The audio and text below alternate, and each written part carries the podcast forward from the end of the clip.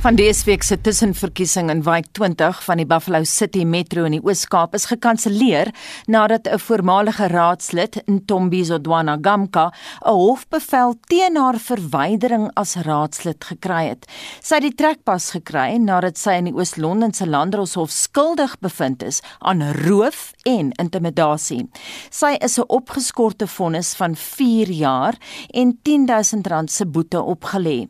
Sy word ook betrek by die verkoop verkoop van hophuise. Nou monitor se vraag vir oggend is: behoort 'n persoon wat skuldig bevind is aan roof en intimidasie die publiek in enige hoedanigheid te dien?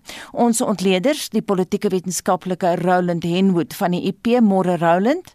Nita. En dan Leon Wessels, hy's lid van die raad van die Defend Our Democracy groep Môre Leon. Goeiedag. En Herman Pretorius van die Instituut vir Rasseverhoudinge. Môre Herman.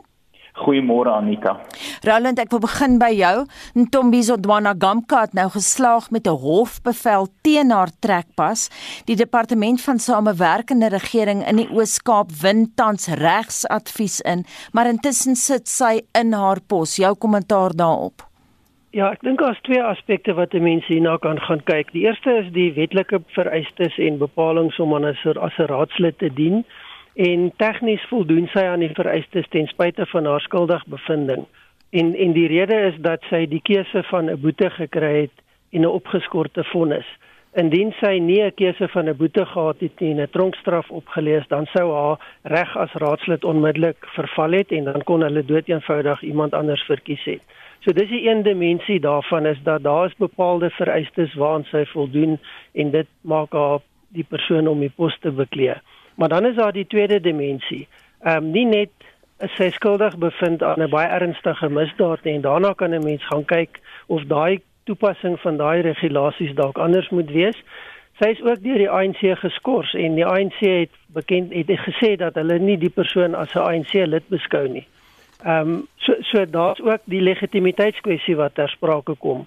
Ehm um, en as 'n mens gaan kyk na die agtergrondinligting, dan lyk dit of 'n mens hier te doen het letterlik met 'n tipe van 'n politieke bende. Jy het 'n amptbekleder wat verkies is wat in samewerking met senior amptenare werk om mense te bedrieg. En en natuurlik die kwessie hier is die van die betroubaarheid en integriteit van die persoon wat nou die verkose amptbekleder is. Ehm um, dit klink vir my totaal onaanvaarbaar dat so 'n mens nie net verkies word nie, maar aanbly ten spyte van al die beweringe en die bewyse en die skuldigbevinding. Leon, wat is die groter konteks hier? Wel die groter konteks uh universeel gesproke is dat dat korrupsie uh is is eie aan die mens dit is daar solank as wat daar geld is ons sien dat staatshoofde uh aan die penry Sarkozy uh net in jou en die hier maar die Suid-Afrikaanse dilemma is dat uh soveel mense wat die politiek betree doen dit en sien dit as 'n werksgeleentheid. Met ander woorde as 'n beroep en nie noodwendig as 'n roeping om diens te lewer nie. En dan vind hulle hulle in hierdie dilemma dat daar 'n een salaris check tussen 'n gemaklike leefstyl en armoede een salaris check om die motor, die huis uh, lening ehm uh, en en kinders uh, op op goeie in goeie skole te hou en so meer en bankrotskap en dit is die rede hoekom soveel polities uh, verkose amptenare en ook staatsamptenare verbeter veg om hulle poste te behou. Nou wil ek vir jou vrou Herman uh, Roland het vlugtig daarna verwys, behoort die vereistes waaraan sy nou wel voldoen nie aangepas te word nie. Weet jy dat ek dink daar is ons 'n baie stewige saak um, daarom te maak. As mens gaan kyk na die Municipal Finance Management Act en ook die ANC se grondwet hier, um, nou dit is dat, dat daar is natuurlik die vraag van of sy onderhewig is aan die ANC se grondwet as gevolg van haar verhouding met die party maar daar is genoeg skuwe ruimte dat sy wel soos Roland reg uitwys kan in haar in in, in haar ampt bly as dit waar en ek dink dit is 'n definitiewe uh, uh argument hier te maak dat hierdie regulasies en dalk selfs die ANC se grondwet self 'n bietjie vaag is. Want as mens kyk na ehm um, uh, klousule 25 17 18 van die ANC se grondwet dan praat dit oor uh uh uh the theft of money fraud corruption money laundering racketeering or any other act of financial impropriety. So um dit is moeilik om dit dit verstaan mense kon argumenteer roof pas daarin of nie daarin nie. Maar die die die situasie is duidelik dat regstegnies voldoen sy um regmatig aan die vereistes om daar te sit.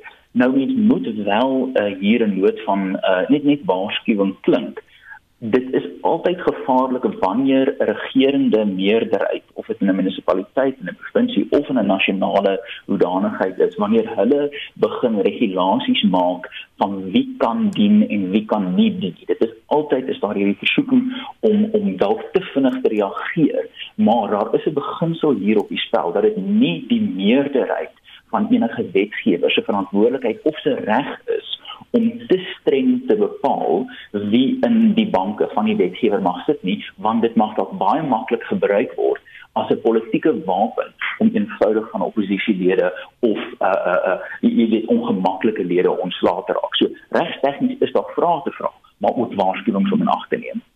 Roland jy het nou verwys na die feit dat die ANC al wel geskort het. Ons het ook nou gister gesien dat die Oos-Kaapse woordvoerder vir samewerkende regering Namkelingam sê hulle win nou regsadvies in oor die saak. Hy het beloof dat hulle prioriteit bly goeie bestuur, goeie regering. Die punt is Roland, hoe lank kan so 'n saak nou sloer? Al dit is een van die probleme wat 'n mens mee sit is dat jou regsprosesse nie net lank duur nie, maar ook misbruik kan word deur appel op appel en die gebruik van regstegniese ehm um, skuiwergate om eie belang te dien. En dis natuurlik nie die doel van die regulasies en die vereistes en die regsproses nie. Maar ongelukkig is dit deel van die realiteit daarvan. Die die onderliggende probleem hier natuurlik ook dat daar baie ernstige aanklagte gemaak word. Daar's polisie ondersoeke aan die gang, maar van hierdie ondersoeke gaan al terug na 2018 en 2017 en dalk nog voor dit. Ek het nou nie al die detail nie. Maar maar dit sê vir ons wat is een van die wesenlike probleme. Hier sit 'n persoon wat vir 'n termyn verkies is. Daai amptetermyn kom in Oktober tot 'n einde en daar skynbaar nog geen stappe geneem in terme van baie belangrike polisie ondersoeke nie. Ek meen korrupsie is 'n baie belangrike probleem. Dis een van die groot fokuspunte in die bestaande wetgewing en tog lyk dit asof die vermoë en die erns waarmee dit beheen word net eenvoudig nie ooreenstem met die tipe probleme wat jy mee sit nie. En dit skep natuurlik die geleentheid vir hierdie tipe persoonlikhede wat aangetrek word tot die politiek vir die geleenthede wat dit vir hulle skep om redelik baie geld baie vinnig bymekaar te kan maak want die die die die die, realiteit van suksesvolle vervolging indien enigsins is op die stadium baie klein. So die risiko is oënskynlik baie laag. Hmm. En en daarom gaan hierdie goed net eenvoudig aan. Leon, ek moet sê die woord roof laat mense ongemaklik. Hulle pr uh, praat glad nie hier van diefstal nie. Hulle gebruik spesifiek die woord roof. Korrupsie weet ons nou al, ons raak dit al amper gewoond. Maar mense hoor nie aldag dat 'n hof praat van roof en sy skuldig bevind nê. So ons praat nie hier in die inleiding van beweerde roof nie. Ja nee, dit is ernstige aanklagte wat ons uh, wat ons hier opstapel. Ek ek die die groter vraag wat weier strek as die regs tegniese vraag is waar staan ons samelewing met betrekking tot uh ons openbare amptenare en uh, daar het 'n kultuur ontwikkel om versigtig met sagte handjies uh uh teen hulle op te tree.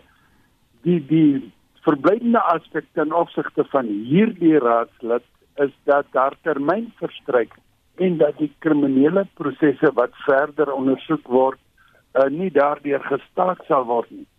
Maar die belangrike punt is hoe waaksaam is die burgery teenoor die amptenare wat hulle wat hulle verkies. Herman het reg uitgewys uh wat die wat die posisie binne die ANC geleedere is. Maar die ANC as sodanig uh hanteer hulle eie lede met fluwele handskoentjies En dit is ten spyte van die oer ANC leiers. Ek verwys nou na Tambo en en en Hane en dis meer wat gewaarsku het uh, teen kruipende uh, korrupsie en en oormatige ge, uh, ge, uh, magsmisbruik in hulle eie geleedere. Die waarskuwings is daar. Dit lê al lankal in hulle anale op geteken. Maar uh die versoeking om om hier en nou wins te maak soos uh, Roland uitwys uh is sterker as die prinsipiële uh integriteitsbenadering tot hierdie tot diens. Nou is interessant as 'n mens uh, die saak gaan Google. Ek het baie ook gaan kyk na wat die Daily Dispatch geskryf het. Baie goeie werk is deur daardie koerant gedoen in Oos-London. Maar dis uh, dis baie interessant Herman dat die Jan en San publiek self wil haar nie in die pos hê nie. Daar was betogings teen haar gewees. So dis nie, jy weet, net eensidedige ding, sy die vingers in die til gehad nie. As baie mense wil haar nie in daai posisie hê nie. Toe gaan sy hof toe. Sy kry toe bevel sy moet aangehou word in haar pos. Maar dit lyk asof die meerderheid van die mense daar haar nie daar wil hê nie. Weet jy Anita, ek dink dit is 'n baie geldige punt. Ehm um, en en en uh, daar voel ek daar sou is 'n is 'n tweeledige probleem in Suid-Afrika wanneer dit kom by politieke aanspreeklikheid. Ek dink op 'n nasionale vlak het ons 'n groot probleem met ons kiesstelsel en ons is nou grondwetlik verplig om dit te hersien. Maar daar is 'n 'n 'n verantwoord uh, verantwoordbaarheids uh, vakuum basies in baie van hierdie instansies. Nou die interessantheid hier is natuurlik dat uh um Hamka was 'n uh, uh, wijkraadslid. Met ander woorde, sy was nie 'n proporsionele raadslid mm. wat op die partylys verkies is nie. Sy was verteenwoordigend van 'n spesifieke wijk. Nou ek weet daar's wêreldwyd deesdae ontwikkelinge in die rigting van sogenaamde herroepingsprosedures waar's genoeg lede van 'n kiesafdeling of 'n kieswijk of genoeg kiesers 'n petisie teken dat daar 'n herroepingsaksie moet plaasvind, dan kan daar enigiets van 'n verhoor tot 'n tussenverkiesing gebeur. So ek dink daar is ons definitief ruimte om so daarna te kyk om 'n ekstra verantwoordbaarheidsmeganisme in die wetgewing in te bou wat dalk sulke situasies kan help maar dan moet die kiezer, die Suid-Afrikaanse kiezer natuurlik 'n bietjie uh, regieregheid maak en opdaag by die stemdag want ons weet 35 miljoen mense kan stem in hierdie land, maar omtrent net 17 miljoen van hulle stem wel. So daar is hierdie vraag van as ons aan is aanspreeklikheid in politiek gaan wil hê, gaan die kiezer wel die die geleentheid vat om hulle rol te speel. Ek wil vir 'n oomblik by jou bly. Dink jy die ANC het die politieke wil om wetgewing aan te pas? Weet jy ongelukkig nou nie want as as mens gaan kyk ek en my kollegas by die ER het onlangs 'n bietjie navorsing gaan doen en die nasionale uitvoerende komitee van die ANC die groot gros meerderheid van daai persone is uh betrek by moontlike aantuigings van kriminaliteit of korrupsie en daai klas van dinge.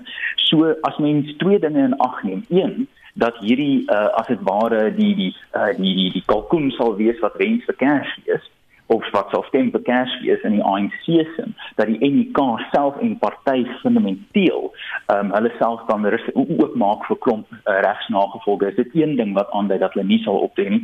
En natuurlik die tweede ding is dat die ANC se eenheid grootendeels gebaseer word op hierdie finansiële beskermheerskappy waar jy op alle vlakke van die partye bietjie kans kry om bo af te skep voordat die fondse by die uiteindelike doelwit uitkom. So ek gaan nie my asem ophou dat die ANC in hierdie opsig gaan optree nie. Roland, ons het vroeër die week met die politieke ontleder Dawie Skols gepraat oor die verkiesing dis nou op 27 Oktober en ook oor die plaaslike verkiesings of die wijksverkiesings wat nou hierdie week plaasgevind het. En toe vra ons hom nou maar wat is die groot aangeleenthede vir mense, die die groot vraagstukke. Toe sê hy o, dienslewering en die stand van die paaie en sulke goed. Maar nou interessant, my vraag wat mense hier moet vra veral in terme van Buffalo City, hoeveel dienslewering kan daar wees te midde van soveel hofsaake die hele tyd? Ehm um, ek dink die antwoord daar kan baie kort wees. Ons sien wat gebeur of ons sien wat nie om ons gebeur nie reg deur die plek, ook in Buffalo City. Um, een van die swak munisipaliteite en en dit is ongelukkig die probleem dat op munisipale vlak is daar baie meer voorbeelde van hierdie tipe insidente en gebeure, maar dit kry nie die aandag wat nasionale politiek kry nie. En ek ek dink mense moet hier byvoeg dat jy gaan kyk na die vlak van dienslewering, maar dan moet 'n mens gaan kyk na die tipe politiek wat daar agter lê. En die Oos-Kaap is besonder ehm um, sleg daaraan toe in terme van leierskap, in terme van amptenaarskorps, in terme van dienslewering. Ek meen dit is die agter die agterste provinsie in Suid-Afrika en en die een met waarskynlik die swakste regering en die grootste behoeftes. Dis altyd die die die kombinasie wat 'n mens ongelukkig kry. En dan gaan kyk jy na die politiek wat bedryf word. Ehm um, ons praat hier van 'n persoon wat skuldig bevind is aan intimidasie. Ehm um, hoeveel mense is daar wat vermoor word in die aanloop en in die konteks van plaaslike regering? Ehm um, daar's in die afgelope dae weer ehm um, ANC raadslede wat aangekla is wat in hegtenis geneem is as gevolg van moord van potensiële politieke opponente. En ek dink dit is die die die konteks waarbinne mense hierna moet gaan kyk. Daar vind nie dienslewering plaas nie want eie belang vier hoogty en jy het 'n proses en 'n struktuur en 'n party wat dit in die hand werk. Mhm. Mm Kos gee die laaste woord aan jou Leon Wessels. Die belangrike ding uh, wat wat uh, die sogenaamde verdedig ons demokrasiebeweging in gedagte het is nie om 'n organisasie te stig nie maar om organisasies en in in die dia aan te spoor om waaksaam te wees en seker te maak dat ons openbare amptenare verantwoordelik hou vir hulle uitsprake en hulle doen en hulle late. Baie dankie. Die laaste woord vir oggend het gegaan aan Leon Wessels. Hy's lid van die Raad van die Defend Our Democracy groep. Ons het ook gepraat ver oggend met die politieke wetenskaplike Roland Henwood van die IP en Herman Pretorius van die Instituut vir Rasseverhoudinge.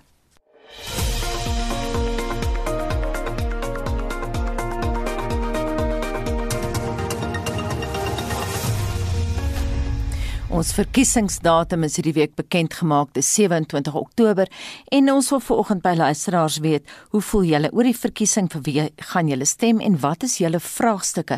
Hier is wat mense gesê het. Ek stem vir niemand nie. Wanneer daai persoon van baie daar uit wat daar sit in 'n groot salaris kry en verder word daar niks in ons dorp en Witrifuur gedoen nie. Die paaie kan mense amper nie meer ry nie rioolstelsels loop oor. Dit maak nie saak wat se party is nie. Hulle wil net inkom laat hulle 'n vet salaris kan kry. Ek dink in die volgende 6 maande gaan dit nog baie broekskeer met ons gaan, veral ons ouer mense wat net 'n sassa pensioen kry en daar was net 'n R30 verhoging. 'n Stemmer in Suid-Afrika is tydmors. Mense kan niks daarmee regkry nie. Die onlangse tussenverkiesings bewys dit. Ten spyte van die gemors wat hulle aanvang, doen die ANC beter. Op stemdag braai ek vleis. Ja, dit dan stemnotas deur van die luisteraars se 733 jy's ingeskakel op RSG en Monitor en ons kyk soos gewoonlik hierdie tyd van die oggend na internasionale nuusgebeure. Ons begin in Rusland. Die Russiese regering het begin om troepe te onttrek uit 'n basis in Donbas. Dis naby die grense met Oekraïne en Annelie Jansen van Vuren nou vir ons al die nuusstories uh dop vanoggend. Annemarie, kom ons begin by die Russe. Dit blyk asof die Russe nou tog weens druk uit westerse lande gaan onttrek. Hulle het nou geswoeg of so blyk dit. Ja, dit blyk so want dit is die mening van kenners wat die situasie op die grens van Oekraïne al sedert 2014 dophou. So wat 40000 troepe is op die land se oosterse grens ontplooi en nog 40000 Russiese troepe na die Krimskiereiland. Maar slegs ure nadat Rusland van sy troepe onttrek het, het die geldeenhede van beide Rusland en Oekraïne ook verstewig. In 'n tweet het Oekraïne se president Volodymyr Zelensky gesê hy is verheug en hy hoop dat 'n kleiner Russiese militêre teenwoordigheid tot minder spanning in die gebied sal lei. Nou intussen die sief van die Russiese oppositieleier Alexei Navalny hom aangemoedig om onmiddellik sy eetstaking te laat vaar. Ja, die vyf dokters wat Navalny al voorheen behandel het, beskou die saak in 'n ernstige lig. Hulle het die uitslae van sy mediese toetse gesien wat eergister gedoen is en sê as Navalny nie onmiddellik ophou daarmee nie, sal hy doodgaan. Navalny is nou al 20 dae lank besig met die eetstaking en duisende van sy ondersteuners het die laaste 2 dae in verskeie Russiese stede betoog om druk op die Putin-regering te plaas om hom vry te laat. 'n Duisend van hierdie betogers is in hegtenis geneem. En dan beweeg ons na Afrika waar buitelandse leiers reeds in Tchad aangekom het vir die begrafnis van president Idris Deby. Die leiers sluit onder meer in die Franse president Emmanuel Macron wat gesê het sy land sal die nuwe militêre leiers steun om verdere geweld te probeer verhoed. Chad was voorheen 'n Franse kolonie en daarom het Frankryk 'n beskermingsgevoel teenoor die land, aldus die Franse minister van buitelandse sake, Jean-Yves Le Drian. Generaal Mohammed Idriss Deby, wat die land se leierskap oorgeneem het na sy pa se dood, sê hulle sal oor 18 maande 'n verkiesing hou. En dit dan Anne-Marie Jansen van Vuren wat vir ons 'n oorsig gegee het van internasionale nuusgebeure. Terug in Suid-Afrika, die eerste Tesla elektriese motor in die land het aan die begin van die maand in Port Elizabeth, Kebega, van die volksmond sommer bekend as die Baai aangekom. Die model X word besit deur Rubicon Energy. Vir meer oor die redes hoekom hulle die motor gekoop het, praat ons nou met die nasionale hoof van ontleding en monitering van Rubicon Energy, Campbell Smith. Goeiemôre Campbell. Môre Anita, hoe gaan dit? Dit gaan goed, dit my seker baie goed met julle. Hoekom 'n Tesla motor na Suid-Afrika bring? Ja, goeie vraag. Kyk, vir ons is dit uh, 'n uh, groot geleentheid vir bemarking en bevordering van die naam van Tesla, die handelsnaam in Suid-Afrika.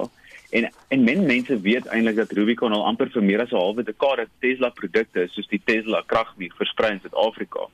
So vir ons is dit 'n baie groot geleentheid om 'n elektriese voertuig uh soos die Model X beskikbaar te stel vir die publiek om te toets en om na te kyk. Ehm um, so wat wat gaan gebeur is party mense gaan selfs die geleentheid kry om met die Model X te ry en plekke soos winkelsentrums sal geteken word vir mense om na die model X te kyk. So ja, die model X wat in die land is sal meer gesprekke ontlok uh oor die Tesla Megapak en kragpak wat geïntegreer kan word met Eskom se kragnetwerk asook met munisipaliteite. So uh, ons kan begin kyk na hernubare kragstasies op te stel deur om hierdie Tesla produkte na die land te bring deur Rubicon. Mm. So die elektriese voertuignetwerk en infrastruktuur moet bespreek word en ons glo deur om die wêreld se mees bekende elektriese voertuig hiernatoe te bring sal definitief daai gesprekke uh meer aanmoedig.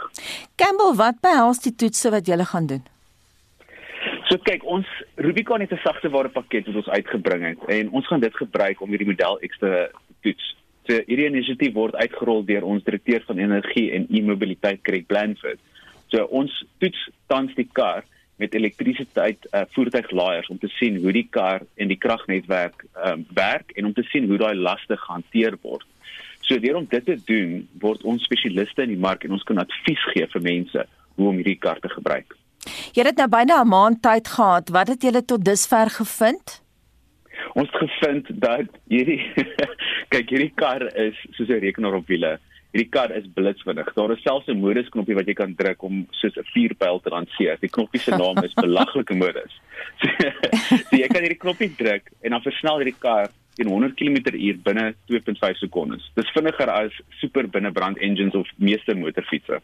Ek moet nou vir jou sê ek kyk nou, jy weet hier voor my sit die die klankingenieur, die redakteur en ons fliekman en al drie daai mans sit met sulke groot oë en luister nou. Hulle wil almal die kar toets. Maar dink jy uh, Suid-Afrika is gereed vir elektriese motors? Kyk, dis 'n daai antwoord is moeilik om te antwoord. So ek gaan sê ja en nee. Ek dink die private sektor sal dit kan hanteer alreeds soos wat dit is want 'n mens kan hierdie laaiers in jou in jou huis sit, jy kan dit by die kantoor sit en jy kan jou kar ehm um, daarmee laai. So meeste mense ry binne 30 km werk toe en terug. So om om te laai gaan nie 'n probleem wees nie. Die beperking is eintlik op die kragnetwerk. So ons be, ons benodig addisionele energie stoorplek en sonkrag om hierdie tipe karre te laai oor lang tydperke. So dit kan gedoen word en ons sien dit dit werk. Net uh, laasens watter veranderinge sal ons moet maak om te verseker dat ons elektriese voertuie op daaglike basis op 'n daaglikse basis in Suid-Afrika sal kan gebruik? Daarso dink ek die regering moet 'n bietjie van hulle regulasies verander en kyk hoe ons sommer met hulle kan werk om hierdie goederes te kan laat gebeur. Heidiglik kan mense verwag tot om tot en met 90% tariewe te betaal as hulle hierdie tipe karre inbring. So die eerste stapie is om te kry dat die regering hierdie tariewe afbring na 0% vir 'n sekere hoeveelheid jaar of 'n voorbeeld is om hierdie heffings 0% te maak vir die eerste 50000 elektriese karre byvoorbeeld. As hulle dit doen, dan gaan daar baie vinniger uh hierdie tipe karre in die land inkom en mense kan dit kan begin gebruik. Campbell, praat julle met die regering? So Greg Blandford en en ons span is besig om met hulle te gesels en hoe ons dit regkry is deur om met uh ons ingenieurs en installeerders wat gewoonlik met ons uh besigheid doen, hulle betrokke te kry om hierdie gesprekke te ontlok. So daai is 'n uh, 'n lang proses, maar ons is besig daarmee. Een vinnige laaste vraag. Is dit maklik om die motor te bestuur?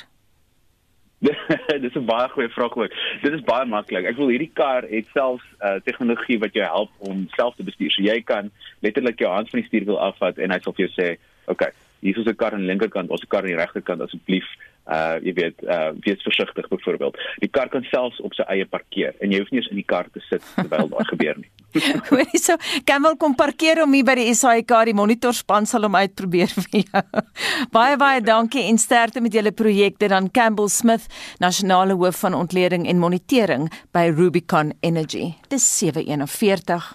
President Joe Biden se klimaatsverandering konferensie is gister met aandag dopgehou deur wetenskaplikes en Jan en San Alleman, veral gegee sy belofte in November verlede jaar dat indien hy president sou word, hy om omgewingsake 'n prioriteit sal gee. En ons praat ver oggend oor sy indrukke van die konferensie met François Engelbrecht van Wits Universiteit se Global Change Institute. Goeiemôre.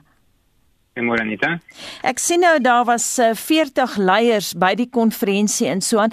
Interessant vir my gewees François dat die beraad het nou begin met stellings deur hierdie leiers, maar Biden het gesê this is a decisive decade. Stem jy met hom saam? Ja, nee, hy is heeltemal korrek want ons weet natuurlik uit die klimaatwetenskap dat ons nog net hierdie dekade oor het om die mees gevaarlike impakte van klimaatsverandering te vermy. So die spesifieke aanduiding wat die interregering paneel oor klimaatsverandering vir die wêreld gegee het, dit was in 2018, is dat ons wêreldwyd koolstofdioksied emissies moet verminder met 45% teen die jaar 2030 en dan moet ons voortgaan en teen die jaar 2050 moet daar net zero koolstofdioksied emissies wees. Dis nou vir die wêreld as 'n gemiddeld. So ons moet ons moet effektiewelik byna ons afhanklikheid van die fossiel brandstowwe verminder met 50% binne nou minder as 10 jaar. So dis 'n ongelooflike uitdaging. As ons dit nie gaan regkry nie, beteken dit ons kan so vroeg as die 2030 die eerste gevaarlike drempelwaarde van klimaatsverandering bereik dis globale verwarming van 1.5 grade Celsius en dan so te, in die 2040s 2 grade Celsius van globale verwarming en dit bring natuurlik baie meer ekstreme weersgebeurtenisse reg oor die wêreld en daar's ook die moontlikheid dat die ysplate van Groenland en Wes-Antarktika se se wegsmelting onomkeerbaar kan word en dit het natuurlik groot implikasies vir seevlakstygings ook in ons eie leeftyd. So mm -hmm uh, president Biden is heeltemal korrek, dit is nou of nooit vir die wêreld. Hy het ook gesê dat die FSA sy koolstofuitlatings met die helfte sal sny teen 2030. Gaan die Amerikaners dit regkry? Ja, dit is die mees belangrike deel van die aankondiging wat gister gemaak is. So dit beteken in die FSA self wat nog steeds verantwoordelik is vir 15% van die wêreld se koolstofdioksied emissies, moet daar effektiewelik 'n uh, herstrukturering van die ekonomie plaasvind in minder as 10 jaar. Hmm. So dit is 'n ongelooflike moeilike teiken. Ehm um, die Biden administrasie word al reeds gekritiseer dat hulle nie gister enigsins 'n uh, plan op die tafel gesit het van hoe hulle dit gaan regkry nie. Hulle het wel aangedui dat daardie plan bekend gestel gaan word op pad na die 26ste groot klimaatonderhandelingskonferensie wat wat hopelik in November gaan plaasvind vanjaar. So ehm um, daar is al reeds kritiek, maar ek dink ehm um, Pete Buttigieg wat nou die ehm um, die, die die vervoersektor lei in Amerika het het daarom spesifieke aanduidings gegee en hy het gesê hierdie doel wat in die FSA kan net bereik word as dit natuurlik deur beleid ehm um, geforseer gaan word. Mm. So die een voorbeeld wat wat gister genoem is is dat vervoer in die FSA in die jaar 2030 dalk 90% elektries kan wees. Dis baie So interessant. ja, ons sal ons sal natuurlik nou in die volgende paar maande sien met watter presiese planne die Biden administrasie vorendag gaan kom. Fransjo, ons kan ook niks doen sonder China se samewerking nie. Voorsien jy goeie samewerking tussen die FSA en China gegee wat John Kerry se baie positiewe onlangse besoek aan China? Ja, jy het maar reg. So waar die FSA verantwoordelik is vir 15% van die wêreld se koolstofdioksied emissies op die oomblik, is China verantwoordelik vir omtrent amper 30%. So as die FSA en China nie gaan saamwerk om die proses van globale verwarming te bekamp en uiteindelik om te keer nie, beteken dit dat ons ehm ons ons kyk ons kyk tussen hierdie twee supermunthede na 45% van die wêreld se emissies. So dit is werklik onmoontlik om klimaatsverandering te bekamp sonder dat die China dit sonder dat China en die VS gaan saamwerk. Mhm. Mm en ons kan nie knoop deurhak as daai groot spelers saamspeel. Absoluut. So, ons ons het nodig dat daar gesamentlike leierskap gaan wees tussen die VS en China oor die volgende dekade en dit is ten spyte van die feit dat hulle op byna alle ander terreine groot verskille het. Wat is die implikasies vir Suid-Afrika? Dit is baie groot. Ons kan maar net kyk na wat president Ramaphosa self gister gesê het. Hy het natuurlik ook 'n toespraak gegee by die konferensie. Hy het gesê dat Suid-Afrika se emissies nog nog net gaan groei tot in 2025. Die vorige aanduiding van Suid-Afrika was 2035. So Suid-Afrika het, het ook homself reeds verbind tot net zero emissies in die jaar 2050. En dan het president Ramaphosa ook gister gesê Suid-Afrika beplan om 'n uh, onsaglike 17 gigawatts hernubare energie in werking te hê teen 2030. Dit dit vat vat so aan 'n derde van ons huidige energie ehm um, uitset wat wat natuurlik hoofsaaklik uit steenkool kom. So wat dit beteken vir Suid-Afrika is dat ons ook gaan sien in ons eie land um, 'n revolusie in terme van hoe ons energie opwek en dit sal natuurlik gepaard gaan ook met 'n herstrukturering van ons eie ekonomie.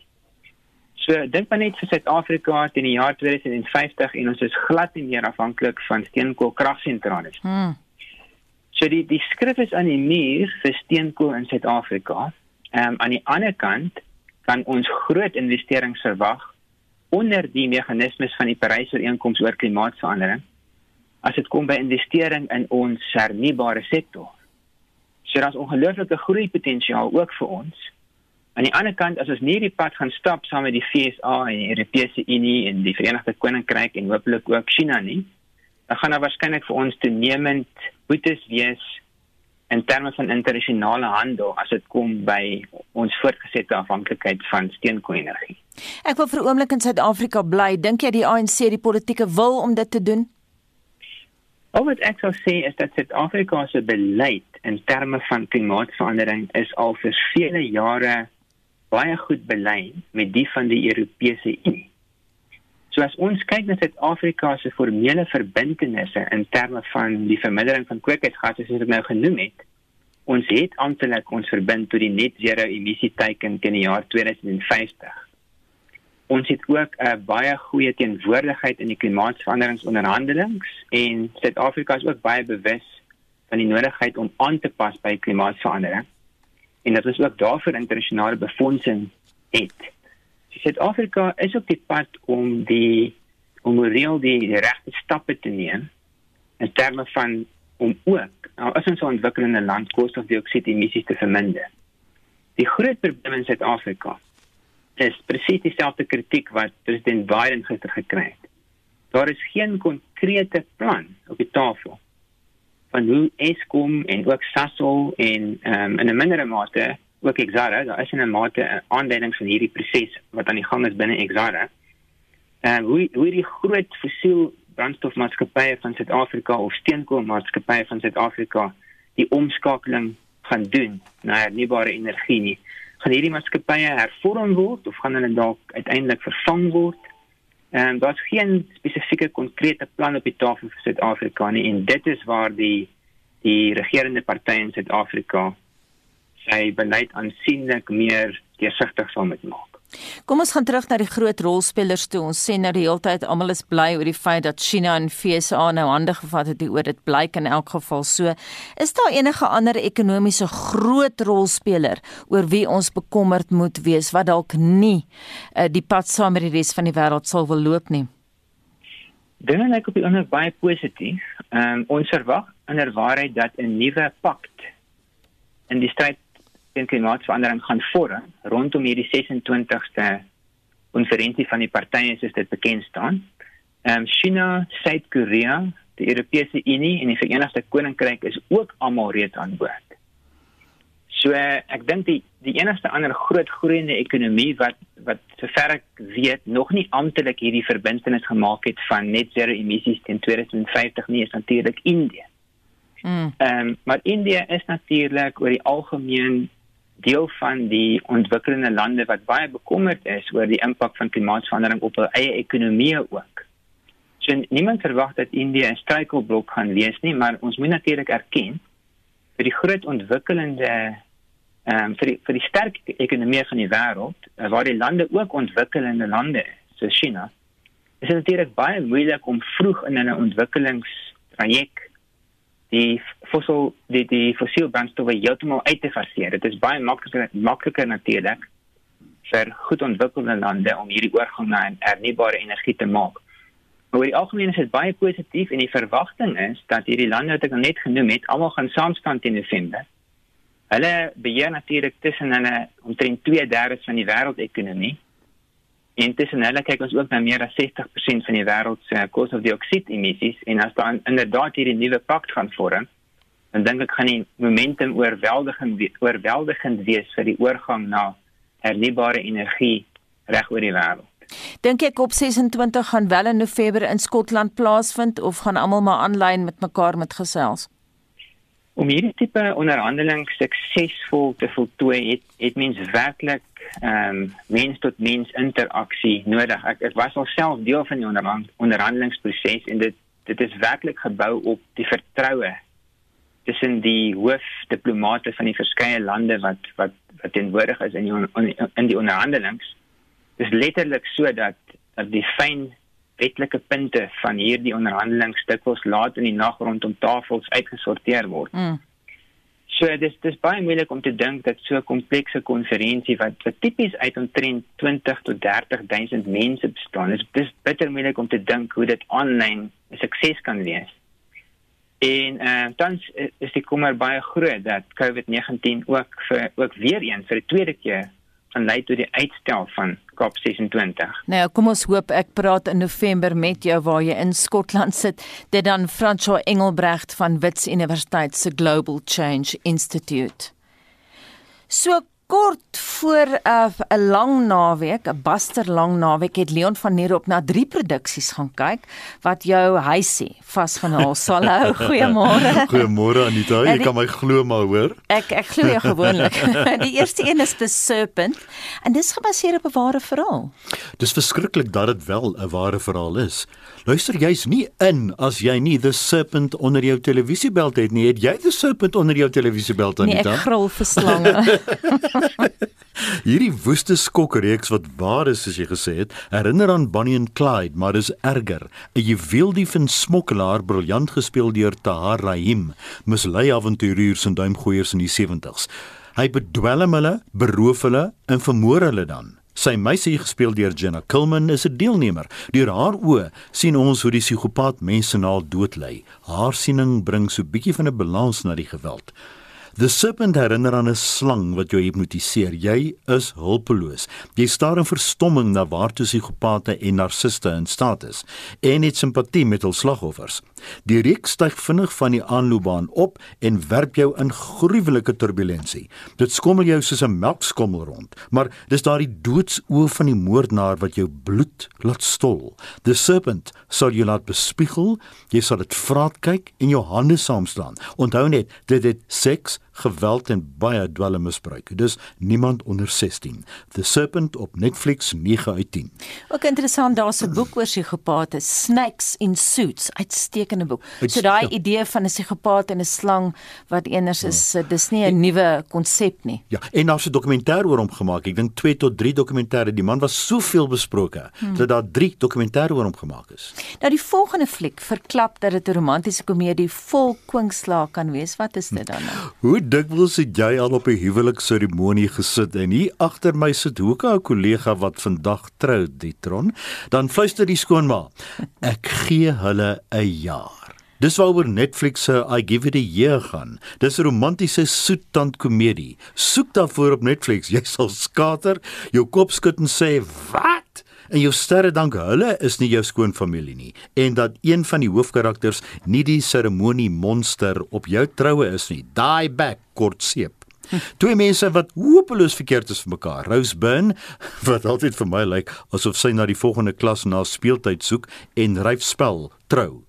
Gedurende die huwel, gruwelike dubbelsinnige grappe van die seremoniemeester, wil hulle in 'n ou koos onder die bed wegkruip, maar is niks in vergelyking met wat na die seremonie wag nie. Dis in die Afrikaanse rolprent Wonderlus ontmoet hulle die regte persoon gedurende die seremonie. Die vraag is, is dit moreel korrek om so gou daarna te skei en jou hart teenoor jou regte lewensmaat oop te maak, veral as hy die aansienlike Simon Baker is wat selfs 'n bril seksie kan maak en die pragtige Anna Faris. Die kwinksla glip soos sportmotors by jou verby, sou ek daar sê Teslas, Teslas. maar die manier die manier waarop die ware minnaars mekaar vind, maar besef hulle mag dit nie verder neem nie, maak I give it a year so snaaks soos 'n boepens oomie wat op 'n piesangskil gly opstaan en verder stap. Dis verkooklik vermaaklik, vir kwanselromanse vir 'n oulap en 'n spitsvondig snaaks. I give it the year. Nou, ek moet erken, ek het die film jare gelede gesien en het nie daarvan gehou nie. Nou Anita, onverklaarbaar, 8 jaar later, met meer ervaring en miskien hopelik 'n beter sin vir humor, dink ek dis regtig snaaks. I give it a year op Netflix 8 uit 10. Leon en dan laastens uh, omdat dit lang naweek is, moet die kleintjies ook iets sê om hulle besig te hou. Wel ouerlike toesig word voorgestel vir die Biene Maya se derde aflewering wat genoem word Maya the Bee the Golden Orb is blitsvinnige en opgepiepte oulike animasie vir die heel kleintjies. Jy kan die resensies op ons webtuiste lees by rsg.co.za. Klik op fliekrubriek onderaan die bladsy en Maya kry 6 uit 10 en dit was Leon van Nerop. Die wenner in die groot pampoen kompetisie op Heidelberg in die Wes-Kaap het 'n allemintige 867 kg geweeg. Die hoofredakteur en uitvoerende direkteur van die Woordeboek van die Afrikaanse taal, Dr Willem Botha, bespreek dan vanoggend die woorde pampoen en die uitdrukking om nie vir koue pampoen te skrik nie. Willem Legrandsie, 'n plaasbestuurder van Ruiterbos in die Wes-Kaap, se pampoen van 867 kg is as die nuwe Suid-Afrikaanse rekordhouer aangewys. Dit was nou in die Groot Pampoen kompetisie in Heidelberg in die Wes-Kaap. Hy skrik nie vir koue pampoen nie, sê Willem, wat net met sy tweede probeerslag die nasionale kampioen geword het. Die woord pampoen is ontleen aan die Nederlandse streektaal pampoen wat in 1562 vir die eerste keer opgeteken is.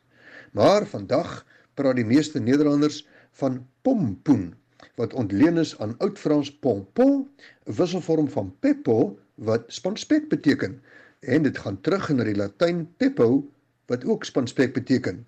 En dit is dan weer ontleen aan die Grieks peppo wat beteken deur die son ryp gemaak. Dink maar aan die pampoene op die dak, dan maak dit alles sin. Dit het 170 dae geneem om die kampioen te kweek en die pampoen het soms tot 25 kg per dag swaarder geword. Verder het hierdie pampoen tussen 300 en 500 liter water per dag opgeslurp. Die uitdrukking om nie verkoue pampoen te stryk nie, kom van ver en dit beteken om nie sommer bang te word nie.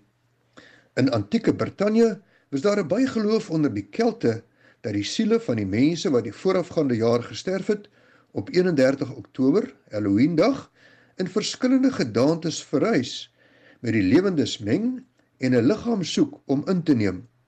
Hulle het dus groot vure gemaak om hierdie gedrogte af te skrik. Die pampoenspook het later die simbool geword van hierdie afskrik van die siele van die afgestorwenes. Die pampoenspook is die bekende uitgeholde pampoen met gate vir die oë, neus en mond, soms met 'n kers binne-in om dit spookagtig te laat lyk op Halloweendag. Maar niemand skrik eintlik regtig vir hierdie koue pampoenie en van daardie uitdrukking. Ek wonder nou net, hoe smaak daardie pampoen van 800 kg? En hoeveel mense sou daarvan kon eet? Hoeveel pampoenkoekies sou jy daarvan kon maak? Dit dan Dr Willem Botha hoofredakteur van die WAT. Die span moet groet namens ons waarnemende uitvoerende regisseur Hendrik Martin, ons redakteur vanoggend Justin Kennerly, ons produksieregisseurs Silwester Komana en Daitran Godfrey, Daitran Troumore, ons beste wense van die hele span Daitran en daarmee is dit 8uur.